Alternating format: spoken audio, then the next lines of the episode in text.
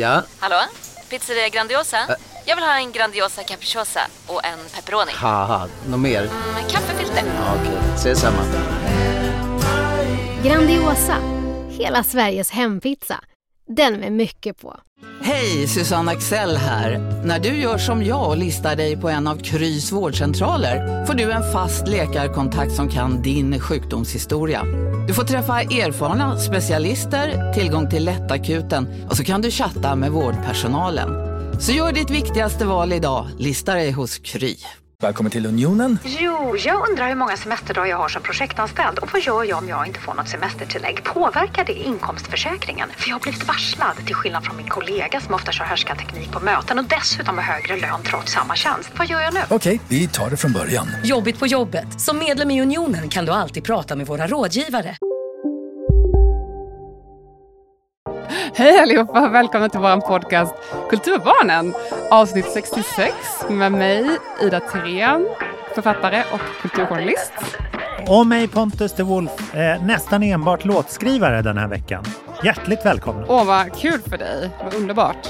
Mm, ja, varför inte gräva ner sig i sin grotta och eh, göra, med in, göra mer introvert konst sådana här tider? Vet du vad, jag har faktiskt um, en liten nyhet som jag inte berättat för dig ännu, som jag kan berätta nu. Oh. Eh, jag har fått ett nytt eh, jobb, eller kan man säga förtroendeuppdrag. Ja, se där. Ja. Vad, vad, vad är det? Berätta. Det är nämligen så att jag ska vara med i Kulturrådets referensgrupp för skönlitteratur. Um, vilket Oh. innebär att jag kommer läsa eh, en massa böcker som kommer ut. Jag tror det är mellan 10 och 15 böcker i månaden ungefär. Nyutgivna Mm. böcker. Och så ska jag vara med och diskutera med de andra i gruppen. Det är åtta stycken i gruppen och det är två som läser varje bok tror jag. Så diskutera och argumentera utifrån en väldigt mallad, det finns en väldigt tydlig mall, eh, vilka böcker som ska få stöd från staten. Åh jäklar! Ja, och det Ja, stödet inne, Power trip! det är lite power. och det Men vad, stödet gud vad hedrande! Ja, det stödet brukar vara, jag, jag är inte hundra nu, men jag, jag har inte hunnit läsa igenom alla papper, men jag tror att det, man får, stödet är liksom att, man, att staten eller biblioteken köper in, kan det vara tusen ex? Nej, inte tusen. De köper in ett visst antal exemplar av Mm. boken. Så då får ju förlagen in liksom en summa pengar för att de säljer böckerna. Så att det är liksom, kanske det är hundra ex. Jag måste dubbel, gud Ja. jag vet inte. Men de köper in ett antal, så att det är det som liksom pengarna man får. Så att säga. Att. Man Ja, jag köper förstår. böcker. Typ. Nu måste jag hoppas, jag har, varit, jag har inte läst alla papper ännu. Men eh, jag... Tell me what to eh, sign! Exakt. Nej, men alltså, det är lite komiskt för att jag anmälde intresse för det här första gången. Det var flera år sedan tror jag första gången. Man kan göra det på deras hemsida, så ni som lyssnar, bara gå in och anmäl er till referensgrupper. Det finns ju olika referensgrupper för musik, för eh, konst, för, jag tror det finns för dans, teater, även för Eh, det finns ju flera inom böcker, en som är så här skönlitteratur då, som jag är med i, som är vuxen skönlitteratur. Och sen finns det också barnböcker och även typ så här serie konstböcker. Och jag var egentligen intresserad mest av antingen barnböcker eller serie och konstböcker, för jag tycker ju om det här estetiska också. Jag Ja, du höll på med lite över- barnböcker mer Ja, eller, kanske? ja, eller det, det är väl egentligen inte så, så men det är att jag tycker, det, jag tycker om konst, så jag är intresserad av hur det samspelar, både konst och text. Liksom. Och sen känner jag också lite att det var övermäktigt att läsa så mycket böcker. Det var väl lite det också, att jag tänkte att det var så mycket böcker. Men, för man måste ju läsa liksom, ja, 15 böcker som kanske är så här, 350 sidor var. Det är ganska mycket Ja, Och det är inte ja. jättemycket pengar Per månad eller? per månad och det är några hundralappar per bok. Så det är inte liksom, det är ju, jag kanske slutar med att jag får, och så träffas man en gång, inte i månaden, men kanske så här, jag tror det är åtta eller nio gånger om året träffas man en dag och då diskuterar. Mm. Så att jag räknar med att det kanske är som en, kan det vara 20 procent tjänst kanske? Mm. Det är lite varierande då, olika månader, hur mycket arbete och så, men i snitt kanske det är en 20, 20 i tjänst. Så alla, andra, alla har ju andra jobb vid sidan om. Mm. Ehm, men när jag anmälde mig då så, ja, man anmäler intresse och förklarar varför man är intresserad av just det området då. Och sen Mm. så anmälde jag mig en gång till, tror jag, för något år sedan och fyllde i då uppdaterad information om mig själv och sådär. Och det jag har då, som, för de som är nya i podden, jag har bland annat drivit litteraturtidskrift, fem tryckta nummer med samtida svensk skönlitteratur. Eh, och många som vi publicerade i tidskriften har sen blivit ganska stora namn, alltså debuterade med oss och sådär. Så jag, jag tycker ändå att jag har en bra track record på vad som har funkat sen. Ehm, Och sen har jag ju varit litteraturkritiker i, alltså på olika sätt kulturkritiker i alla fall i tio år, mer än tio år. Mm. Så det är väl lite det, sista åren mest för Svenska Dagbladet, men ja, det är lite de, jag gör inte det så ofta längre för jag tycker det är så dåligt betalt med att skriva bokrecensioner. Mm. Och ingen läser dem heller, så det är så här, du får inga pengar och ingen läser dem, varsågod.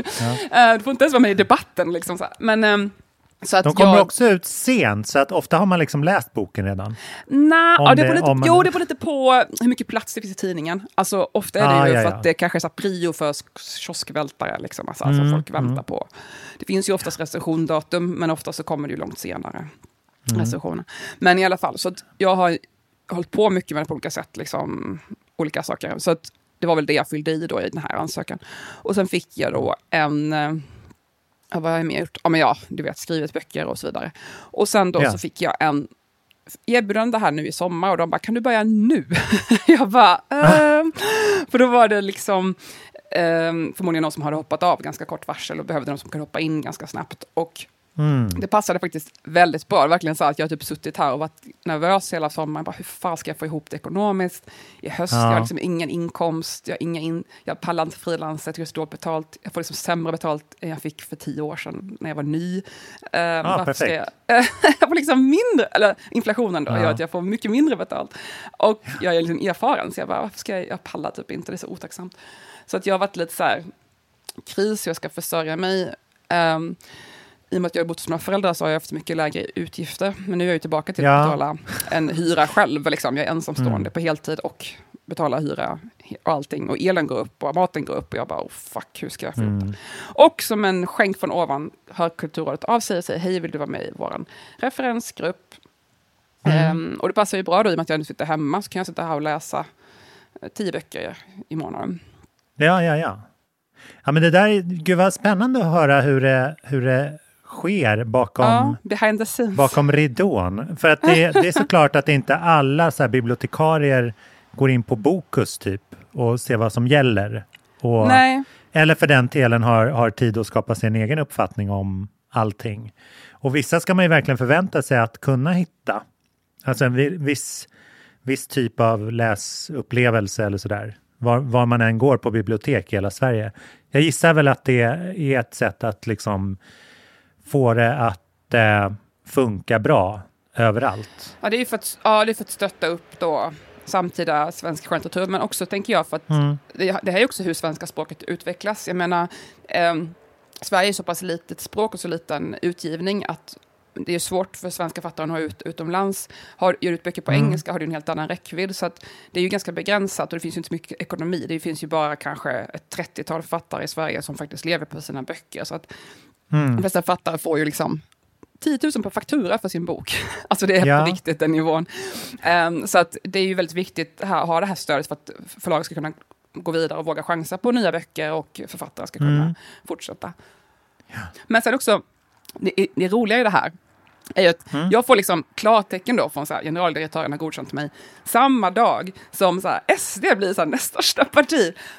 Ja, ja, ja. Och vad vill SD? Antagligen lägga ner Kulturrådet. Så jag bara, ah, perfekt, mitt första jobb i mitt liv, 37 år gammal, min första gång jag fått jobb. Och då ska det precis ha nedläggningshotat.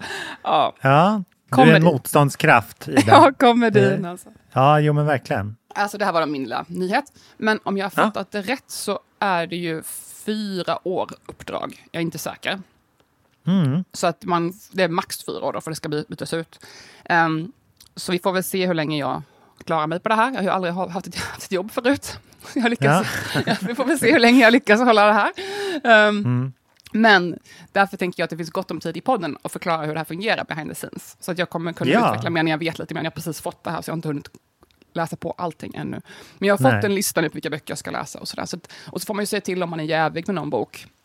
Det var ja, en bok som var publicerad av en person som jag är bekant med. Då sa jag till att den här personen känner jag privat och då bytte de. Så får jag ta en annan bok istället. Mm. Jag tänker ofta på den grejen, för jag är ganska mycket så spindel i nätet på många sätt inom musikbranschen. Eh, inte den här veckan dock, men, eh, men som till exempel så söker jag, ansökte jag om STIM-stipendium i måndags när det gick ut och då juryn som sitter där känner jag nästan varenda kotte i. Eh, men de, de, är också så väldigt oh. centrala gestalter så att jag kan tänka mig att de känner ganska många.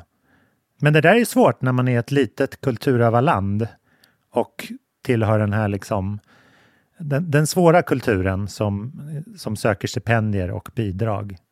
För den, Den som inte så många kan liksom. Som, Ja, nej. som nej, fattar precis. allting. Nej, helt sant.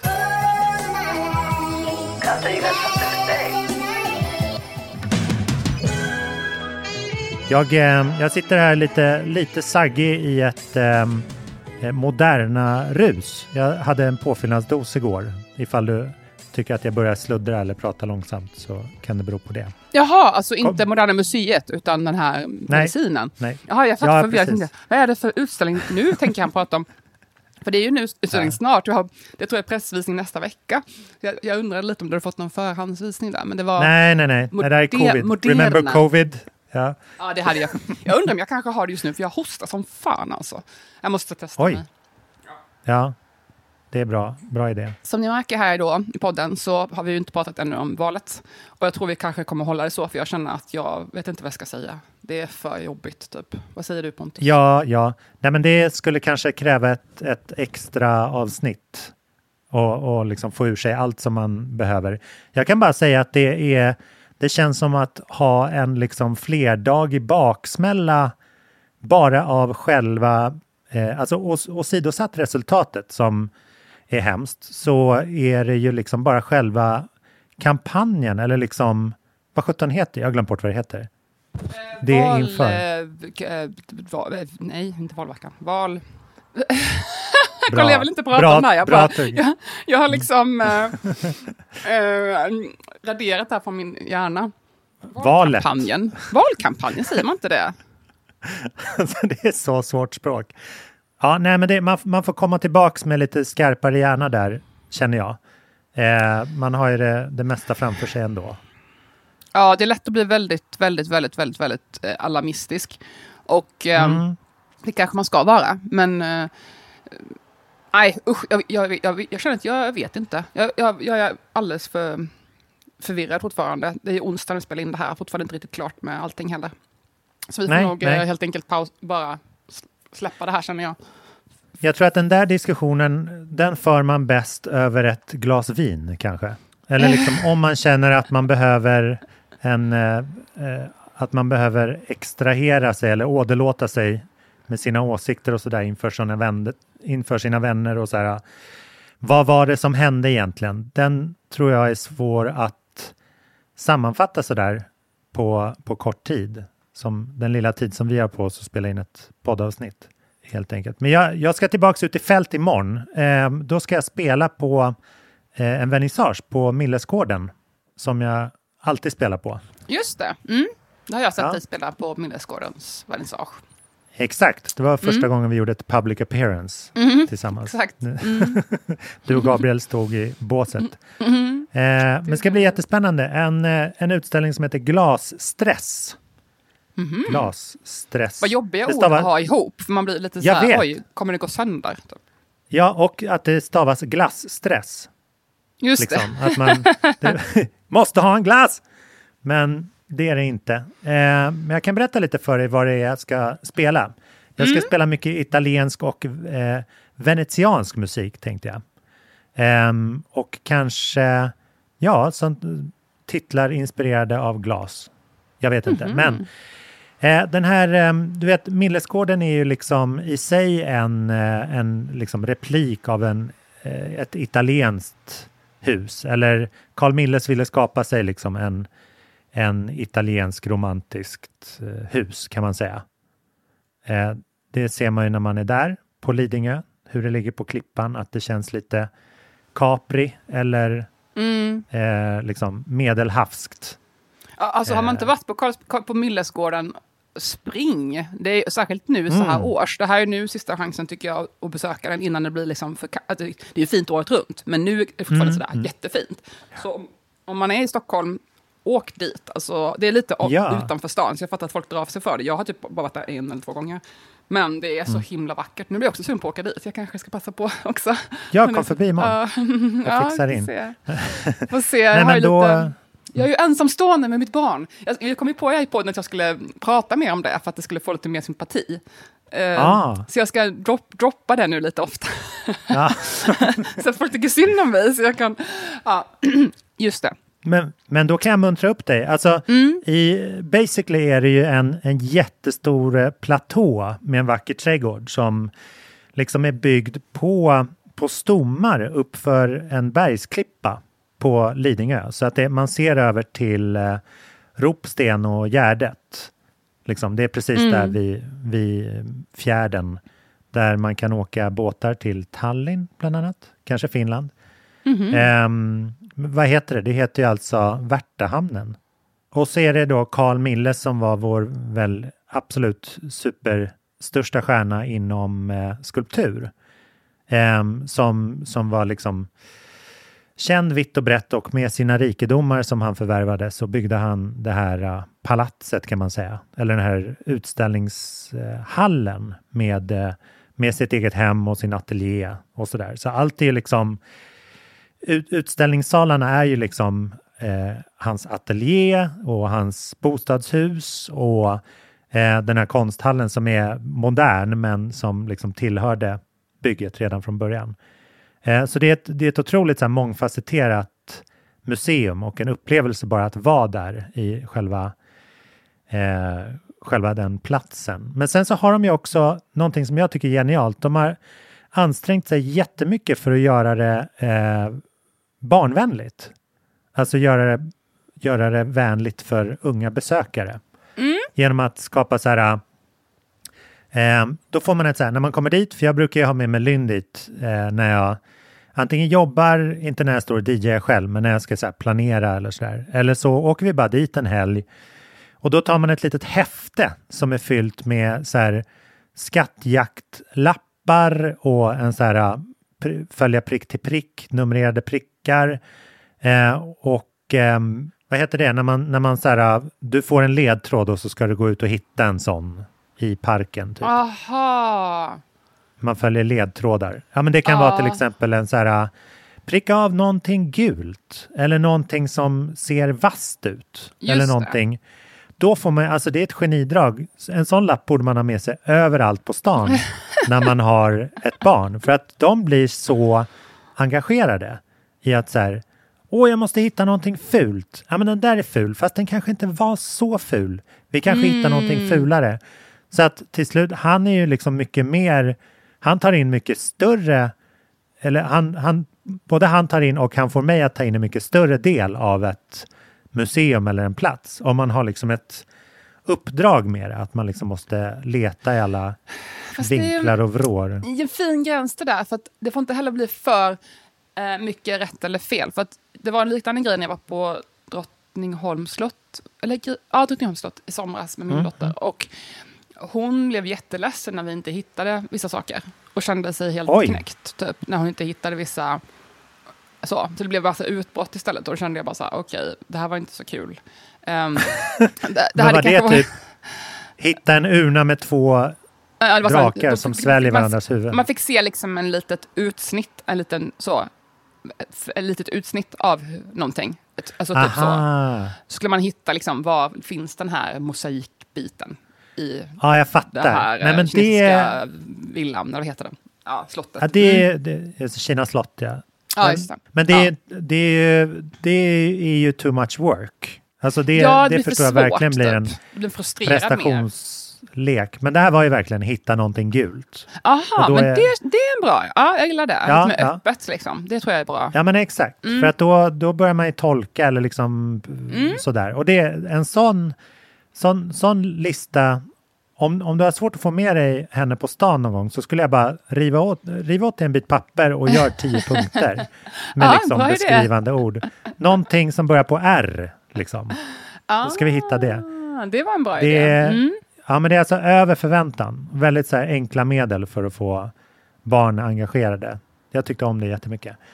Ehm, men det är inte barn jag skulle prata om utan det är gl- glasstress. Ehm, det är nämligen så här att ehm, eller utställningen går ut på, det är ett koncept som eh, en kille som heter Adriano Berengo introducerade 1989. Eh, en liksom, ett återkommande koncept som han har åkt runt med i hela världen. Där han samlar konstnärer som han liksom ger i uppdrag att skapa konst av glas. Och ofta då konstnärer och designers som inte har arbetat i glas tidigare. För att, han ska, för att man liksom ska konfronteras med det här väldigt, väldigt svåra materialet eh, för första gången. Så att liksom utställningens kärna ligger i hur, hur bemöter man glaset som material för första gången. Liksom. För ofta är ju eh, konstnärer har gemensamt med varandra att de ofta är hantverkare och liksom sin egen verktygslåda och det, det är mycket liksom fysiskt arbete utöver att bara välja färg. Liksom. Det är ett större, antingen liksom bygger man skulpturer eller bygger eh, utställningar eller liksom man har, man har ett så här hantverk i händerna. Men det är väldigt få som, som ger sig in i glaskonst. Liksom. Ja. Och det, jag, jag gissar att det är så här, man lyckas alltid komma på någonting med det.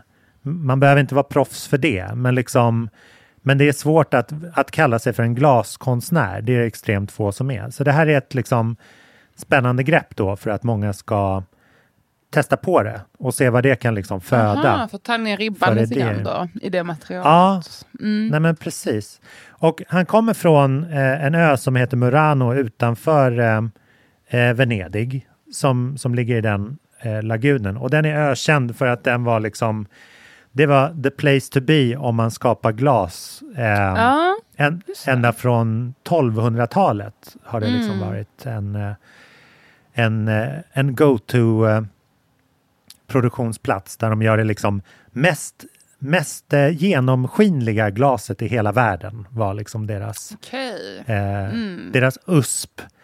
Eh, mm. Så det är ett väldigt liksom anrikt eh, en anrik plats då. Så han utgår från den platsen där han startade sin studio. För idag finns det liksom hundratals aktiva glashyttor på ön Murano. Och han hade en Berengo Studio, det är liksom hans då. då. Eh, och sen så åker han runt med det här. Så att i Stockholm på Millesgården då så kommer det bland annat så kommer det visas verk eh, som är resultatet av det här konceptet då. Att svenska och svenskrelaterade konstnärer har fått eh, eh, testa på glaskonsten. Mm -hmm. eh, men även ut, utländska som liksom är medplockade från turnén som Ai Weiwei till exempel, den mm -hmm. kinesiska konstnären. Eh, Marie-Louise Ekman, eh, eh, Ernst Billgren för att nämna några få. Mm. Så det ska bli väldigt spännande att se vad de har hittat på i glas glaskonstens tecken. Glasstressen betyder att man ska liksom, det, man måste ju jobba skitsnabbt med glas. Är Aha, liksom, innan det stelnar då? Ja, precis, för då är det vad det är. Jag vet inte om mm. man kan återsmälta, det kan man ju förmodligen. Um, man kan ju kasta tillbaks den i... Gud i, vad ehm, svårt! ja, ja men eller hur? Så man måste ju göra det med väldigt mycket känsla och syfte. Det kan ju bli liksom oerhört fult eller bara krossas av sin egen vikt. Så det är ett väldigt... Eh, ja. ja, det, har, det har ju potential, mm. men eh, jag skulle vilja testa någon gång. Tycker det låter som en kul Ja, det är ju väldigt stort. Är, jag är ju från Småland som bekant och där ligger det också Glasriket. Eh, ja. inte exakt där jag kommer ifrån, där ligger mer Möbelriket. Alltså Värnamo är en ganska så här, stor stad för möbler och sånt. Ja. Och även en hel del så här, konsthantverk, alltså typ, det finns en känd ljusstake till exempel. Som... Hej, Synoptik här. Visste du att solens UV-strålar kan vara skadliga och åldra dina ögon i förtid? Kom in till oss så hjälper vi dig att hitta rätt solglasögon som skyddar dina ögon. Välkommen till Synoptik. Just nu till alla hemmafixare som gillar Julas låga priser. Ett borr och bitset i 70 delar för snurriga 249 kronor. Inget kan stoppa dig nu. Nu ska du få höra från butikscheferna i våra 200 varuhus i Norden. Samtidigt. Hej! Hej! Tack. Jo, för att med så många varuhus kan vi köpa kvalitetsvaror i jättevolymer. Det blir billigare så. Byggmax. Var smart. Handla billigt.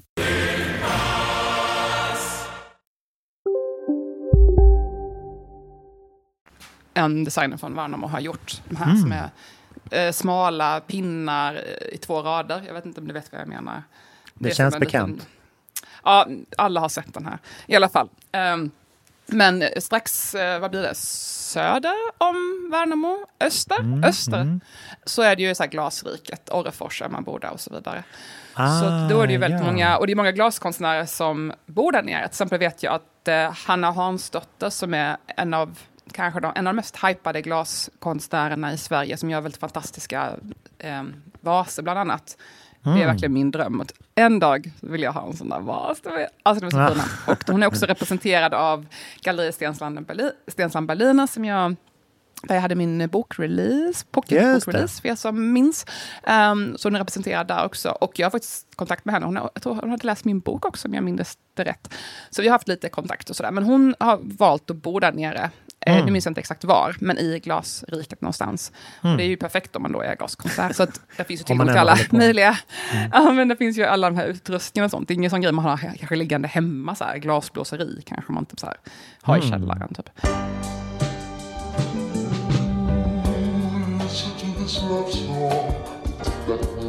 Ehm,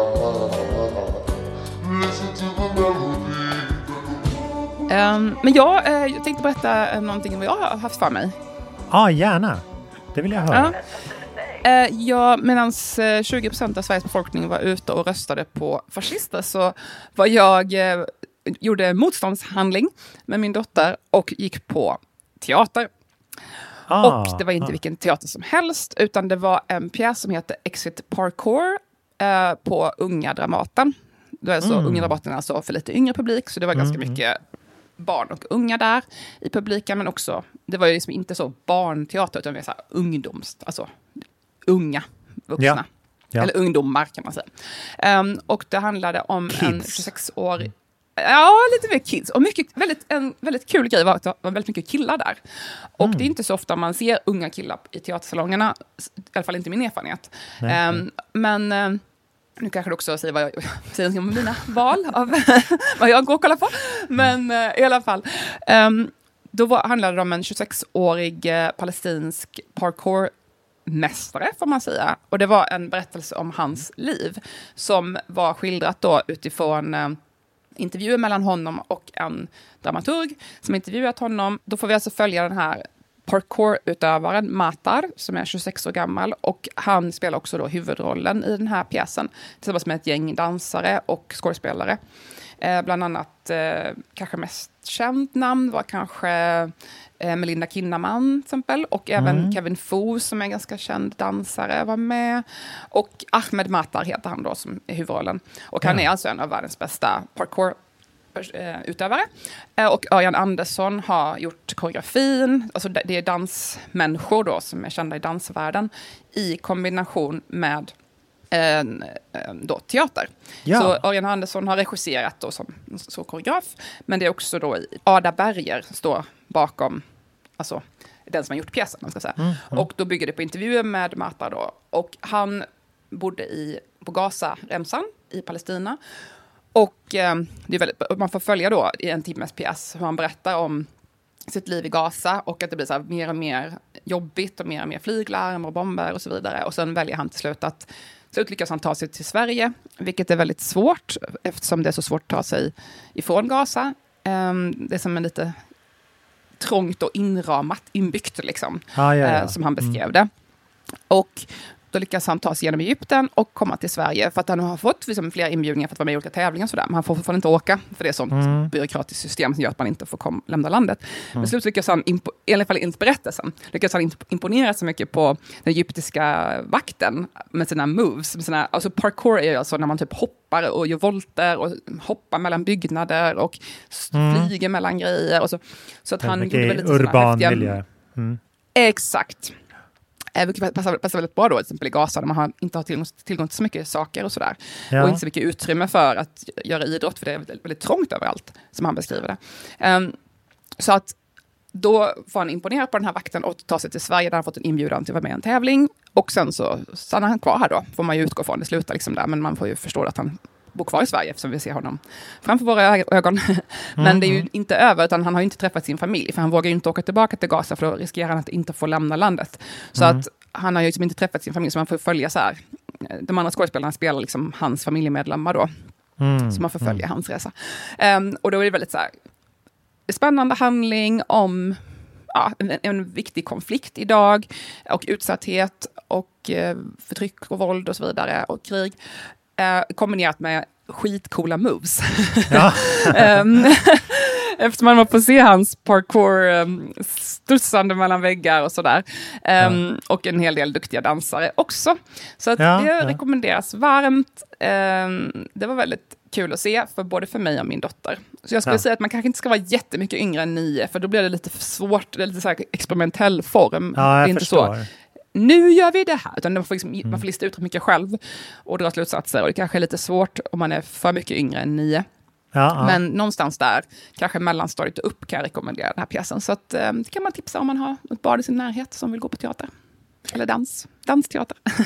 Gud vad häftigt. Vad, vad roligt när man så här, eh, liksom definieras av någonting som är så där rörligt. Alltså att man är en parkour... Det, jag kan inte tänka, jag vet inte hur han ser ut eller hur han klär sig eller hur han pratar, men jag bara tänker med honom i rörelse konstant. Hela tiden när du berättade om hans här, resa från Palestina så, så tänkte jag bara att han skulle så här, hoppa över muren och så här, springa längs gator och genom Kairo. Jag fick så här, bilder i huvudet. Att han var- studsade på, på murarna liksom med sina Ja, moves. men precis. Så här. Det var väldigt svårt att komma ut, men så sprang han upp för väggen. Och, Nej, han kom ut laglig väg, eller vad man ska säga. Han hade ju visum och sånt där. Men Ja. det är ju väldigt intressant tema just det här om att parkour känns ju verkligen som en rörelse inne i stan. Man hoppar mellan väggar. Ja, det är ju den totala frihetsrörelsen. Den, det är en det är vara konstform som liksom... i, i den burarna liksom. Ja. Ja, ja, precis. Ja, för den talar ju emot liksom hela, hela instängdheten i en... Alltså, vi, vi har ju bestämt hur en stad ska vara formad liksom, för en viss typ Mm. av funktion. Men det där, det där krossar ju allt det där. Liksom, och gör att man, Mm. den stan är traversabel och, eller säger man så? Traversable. Och liksom, Nej, jag tror jag inte man säger. kan vi introducera det ordet? Kan du kolla med din Eh, kommitté? På Swinglish. Ja, precis. Jag kollar med kommittén. Ja. Åh, gud. ja, men Ja. det låter fantastiskt. Nej, men så det var kul. Och sen hade jag också en liten snabb sväng förbi eh, den här helt otroliga utställningen på Nationalmuseum som tyvärr är stängd. Det var sista helgen jag såg den. Men Ja. den heter Härligt att vara skulptör, tror jag.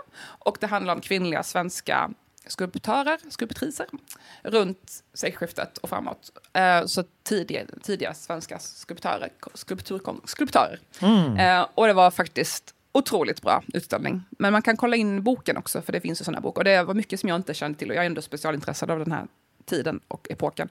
Och mycket kvinnor som jag inte hade koll på, och mycket intressanta livsöden, mycket lesbiskt, mycket marmor. Ja, ni hör ju. Gud vad Eh, det, är klart att man, det är klart att man gillar det.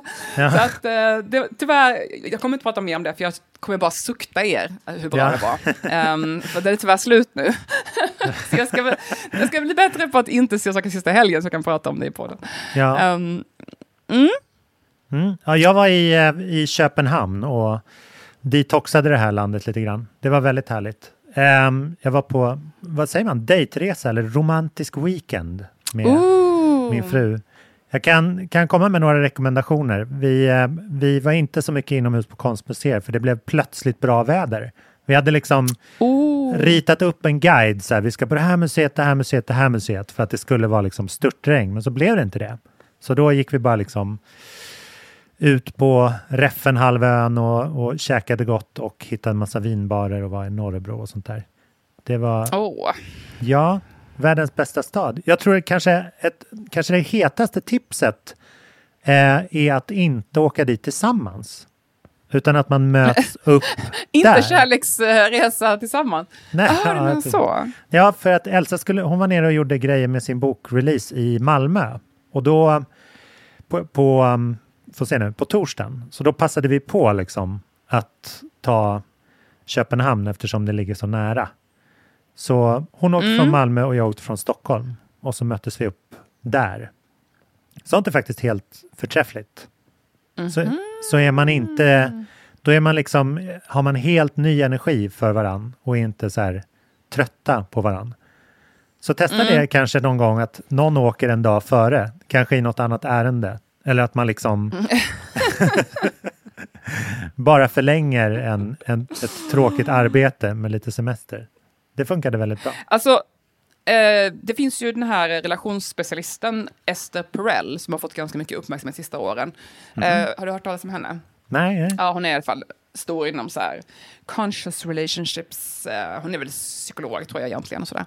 Mm. Fransk tror jag ursprungligen, men pratar på engelska och sådär. Men hon i alla fall vet jag, jag har hört henne prata i olika sammanhang. En återkommande grej som verkar vara så här, hennes grej, Mm. eh, som hon trycker mycket på, är att man är mest attraherad av sin partner när de är som mest i sitt, liksom, i sin esse, sitt esse. Eh, Ah, typ, ja, ja. När jag Ah. ser min kille spela trummor på scen, jag tycker att han är så sexig och underbar och fantastisk, det tycker jag alltid, men när man ser det på scen man bara wow, shit. Ja. Det är som att, eller när han ser mig prata om min bok på scen, han sitter där och bara är så jävla stolt och typ berättar för alla kulturtanterna bara det här är min flickvän, det här är min fästmö, Mm. typ. sitter längst fram och skryter. Um, och det tänker jag, för då, det är ju liksom då så här, en människa verkligen kommer till sin rätt. Nu måste det inte vara på scen, alla människor jobbar ju inte på scen, det här är ju lite ex, extremt, men det blir väldigt Mm. påtagligt när det är ett sånt sammanhang. Det kan ju vara, mm, ja, min eh, man eh, applåderas för att han har varit duktig på jobbet, eller Ja, han, ja. eh, han har varit fotbollstränare och alla tycker att han är så bra fotbollstränare. Eller, det behöver inte vara liksom, ta emot ett pris, men just det här att men när man ser sin partner i sitt esse på något sätt, där de verkligen får skina, Ja. det är så här, oftast då man känner sig mest attraherad och det är som då relationen kommer till liv. Och Ja, ja. det vet ju alla som har varit i en lång relation att när den dör, det är ju där man bara så här, ha, nu ska vi städa, ha, nu ska vi göra det här, nu, ska, hur ska du hämta Mm. barnen? Alltså det här lite så vardags som lätt dödar en relation. Det är därför många småbarnsföräldrar skiljer sig. Ja. För att det blir ofta det här lite trista. Och man har ju aldrig något kul ihop och man får aldrig se det här gnistan hos sin partner så att man får leva upp och man känner att man är stolt och man är glad och man kanske har Ja. ja. mascara och liksom man är på, man är på sitt bästa humör. Mm. Det är då man verkligen säger wow. Det är ju inte så kul att se den där trötta personen som ska va, Visst, jag, man älskar ju varandra även när man är Ja. nyvaken och ska till jobbet. Men det är ju inte lika wow kanske. Och man kanske behöver den lilla spicen ibland. Ja. Um, som det du beskriver nu när man träffas då till exempel i, i Köpenhamn. Så. Ja. Det är lite mer sexigt att bara säga åh vi ses på Ströget. Ja, ja, precis. Jag, vet, jag kommer Ja, jag kommer ja. inte på någon än så här, vi åker Mm. tåg ihop i tio timmar och du luktar svett. Men okej, nu är vi Ja, framme. men verkligen. Ja, men då har man med inte sig den här liksom, wow. väckarklockan 5.50. Liksom. Man har varit med om skit tillsammans halva dagen. Nej, det är ju Ja, det är superhett att liksom plocka upp någon. det känns ju som det. Ja, Eller så här, ja. kom, kom upp på mitt hotellrum. Det är jättebra. Ja, men det här lilla pirret liksom, Ja. att så här, okej, nu, vi bara ser, ser bara best off när personen Ja. får verkligen skina lite. Och det är väl lite det här, folk, alltid när det är så här, okej, det- nu kommer det, kommer jag säkert trampa i klaveret här, men okej. um, du vet att det finns alltid så här konservativa, eller vissa menar konservativa debattörer som säger så här, ah, man ska vara snygg för sin man och man ska göra så och så för sin man och, och så Mm. finns det alltid andra debattörer som säger, nej men vadå, ska man behöva göra sig snygg för sin man? Vad är det här för skitsnack typ? Ja. Alltså jag fattar båda sidor, det är inte det, alltså inte att jag tycker man ska vara, älska varandra i vått och torrt. Ja, ja. Men det är väl klart att det är lite nice att känna att någon har ansträngt sig och är lite pizzazz. Alltså man vill ju såklart Ja. känna så här, wow! Mm. Det, är väl liksom, det är väl en ganska mänsklig grej. Det är ju inte för att jag är emot feminism och så här. Ty- Nej, nej. Det är ju bara så här, jag tycker klart att man tycker att någon är lite sexig när man gjort sig i ordning och liksom, eh, man känner ju sig själv bara, wow, nu är jag i, i mitt esse och nu Mm. är jag i kon- kontakt med något så här. Ja. Nu vibbar jag in på någonting större som inte bara är så här vardagens tråkighet. Typ. Ja, men Så man ska verkligen. inte underskatta den energin, tror jag inte. Nej, och det du beskriver är ju två, det är egentligen två former av essens. För att när Gabriel spelar trummor, då har ju han, det är ju egentligen hans talang. Liksom. Det här att man så visar upp sin talang.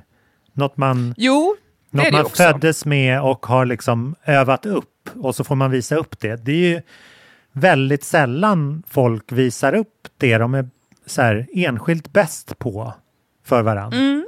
Ehm, men det hänger ihop lite med det här att här, göra sig snygg. Att man tar de, de medfödda attributen och accentuerar det på ett sätt genom så här, kläder eller smink eller att man har gjort sig fin i håret eller någonting. Eh, det är Mm. egentligen samma sak. Att man tar det som är unikt och medfött och liksom spetsar det.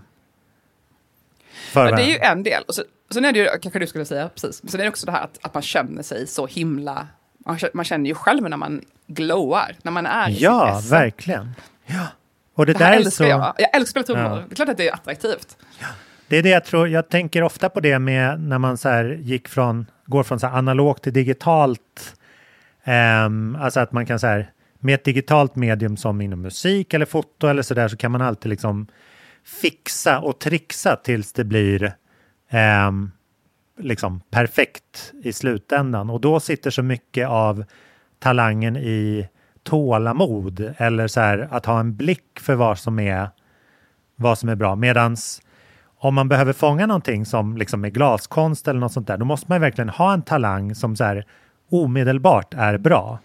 Så här, det här finns, det finns inga, inga liksom, eller, eller som att man så här framför någonting live versus att man petar ihop det i en studio. Då måste man ju verkligen ha en, en slipad talang för att det ska bli bra. Så att det, det, ja. det är mer och mer, alltså ju mer vi visar oss våra konstformer eller talanger via sociala medier till exempel så, så blir det ett slags brus. Man blir inte lika wowad som när Nej. man ser det i verkligheten och det är så här ofiltrerat liksom. Det ja, och jag har ju varit ifrån. borta nu från jag har varit borta nu från sociala, eller från i alla fall Instagram. Facebook har jag varit aktiv i nu inför valet, mm. jag har varit så ursinnig. Men, men det mm. kommer jag att sluta vara nu efter valet. Men Instagram har jag varit in, tagit bort sen typ i juni. Och förutom en liten, en dag jag loggade in. Men, um, och det, det, för jag har märkt också att folk säger ofta det, att alltså mer eller mindre direkt, att de tycker mer om mig IRL. alltså de gillar mig. De bara, ah, det var inte alls som jag trodde från internet. Eller, alltså ja, folk får någon slags där du är så farlig. mig. Ja, ja. Nej, men jag vet inte, folk har någon mm. uppfattning om mig på sociala medier, de har en idé om vem jag är. Och jag, jag är liksom ganska långt ifrån den uppenbarligen. Jag vet inte, jag skriver ju bara vad jag tycker och tänker och så här. Ah. Men det, folk målar upp någon slags bild av mig som nästan aldrig de tycker stämmer. För väldigt ofta hör att folk tycker att jag är väldigt annorlunda i verkligheten än på internet. De målar upp någon slags idé, så, ah, Ida hon är cool, eller Ida hon är tuff. Eller, ja, jag, är, alltså, jag är lite så, eh, ganska flummig. alltså, jag vet inte, men, men äh, äh, säger jag som missade våra inspelningstid för jag åkte fel tunnelbana hem. alltså det säger ganska mycket om mig. Jag var i Tallkrogen när jag skulle vara i Bagarmossen och det tog mig en halvtimme att ta mig hit. Så mm. att det säger ganska mycket om äh, mig verkligen, alltså det är mycket som man kanske inte ser utifrån. Jag lägger inte ut så här, ja, jag är en skitförvirrad person. Det kan man inte posta på, på sociala medier.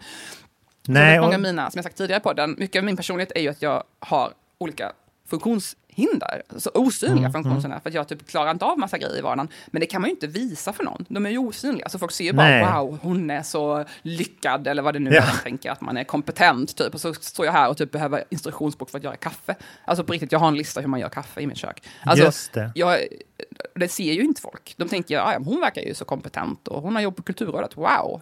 Men så står jag där som jävla idiot och kan inte laga mat. Alltså. Mm. Men alltså, ja, det är spännande för du formulerar dig ju så bra i text. Så att det där, det, det blir ju liksom som, det där kommer ju inte igenom i dina texter som man läser på Twitter till exempel.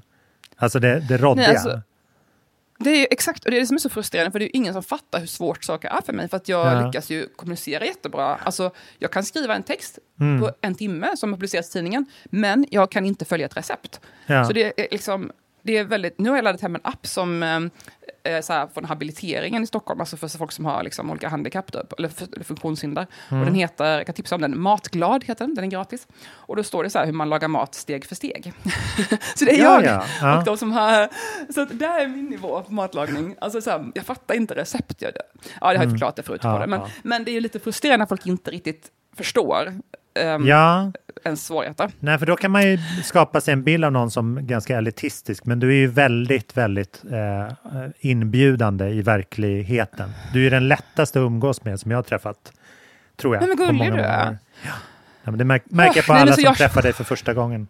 Absolut.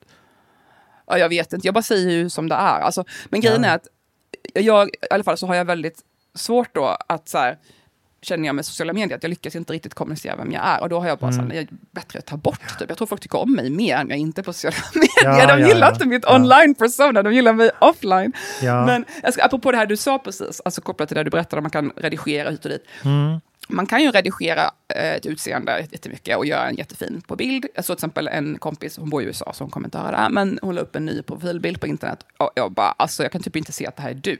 Mhm. Det är en jättefin person på bilden och det är jättefin Ja. i verkligheten också, men det är inte samma person. Alltså det här är så retuschat, typ att så här, Ja. det här är liksom inte längre du. Och då blir det ju här, väldigt så här, ja, man kan vara fin och man kan få vem som helst att vara fin med rätt filter och retouch. Men nu kommer min poäng som jag måste avsluta med idag. Ja. Skönheten kommer ju inifrån. Perfekt. Ja, det känns som jag har hört den förut. Men du kan få En unik poäng. Ja. Ett citat i serial. Nej, men alltså, jag tycker det, apropå det vi pratade om det här med Esther Perel och man uppträder på scenen och sånt. Alltså det Mm. finns ju ingen gång, du kan ju retoucha min kille hur mycket du vill Ja. i en dator. Men han kommer ju aldrig vara så snygg som när han skrattar och spelar trummor och är i sitt eld. ja, och svettas och är skitig liksom. Verkligen. Nej, men Nej, inte det- ens det fysiska, bara, bara Mm. energin. Alltså hans Mm, mm. aura är som en sparkly pink balloon. Alltså han Ja. bara lyser. Och, och samma med mig, jag sitter där och pratar om min bok. Jag tycker det är jätte, jag är jätteinne i vad jag pratar om. Och jag, folk skrattar över vad jag säger och jag känner mig så on top of the world. Mm. Jag kommer ju aldrig vara mer attraktiv än så. Jag kan redigera mig till döds, men alltså Ja, ja. det, snyggare än så blir jag inte.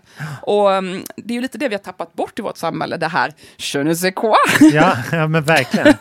Ja, men eller bara en sån här enkel man- sak som så här, att ha en fin handstil. Det vinner man inte mycket poäng på nu för tiden. Eftersom alla, Ja, alltså, allting ska- alla skriver likadant. Ja, men allting ska vara så mätbart och bara så här, jaha hon ser ut så där och det, Mm. det är så himla så här, snygg eller ful, dum eller dum, blablabla. istället för att Ja. säga wow, du har en egen liten spark som kommer Ja. fram när jag träffar dig, vad underbart. Ja. Och det där känner jag att, och som du sa också, man träffas på Ströget, det är inte så här, man kan inte förklara varför det är mycket sexigare. Mm. Det finns ingen logisk förklaring varför det inte är kul att åka tåg ihop. Men det Nej, är nej, ju nej, sexigare att träffas i Köpenhamn. Ja, ja, ja. det är je ne sais quoi, det är liksom, eh, det är Ja. någonting där som vi inte kan förklara. Ja, wow, där det sagt. hon. Ja. Nej men gud vad Exakt, skönt. Vad, Lisa. ja. Gud vad skönt det var att Elsa prata. Billgren i Ja, Danmark. wow. Bara för mig.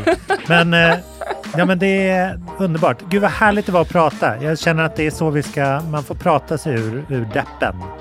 Ehm, och komma tillbaks och liksom eh, Och se, prata med sina se en framåtrörelse. Ja, extremt Prata med sina medmänniskor, Mm. prata med alla omkring sig så att de känner sig att man inte... Vi vi får inte vara så rädda för varandra. Jag tror det är det, att vi Nej. bygger upp den här idén om att människor är hot. Människor Ja. är våra medmänniskor. Mm, mm. 100 procent. Vi hörs nästa eh, vecka! Ja, det gör vi. Sköt om dig, sköt om er. Ha det fint. Hej då!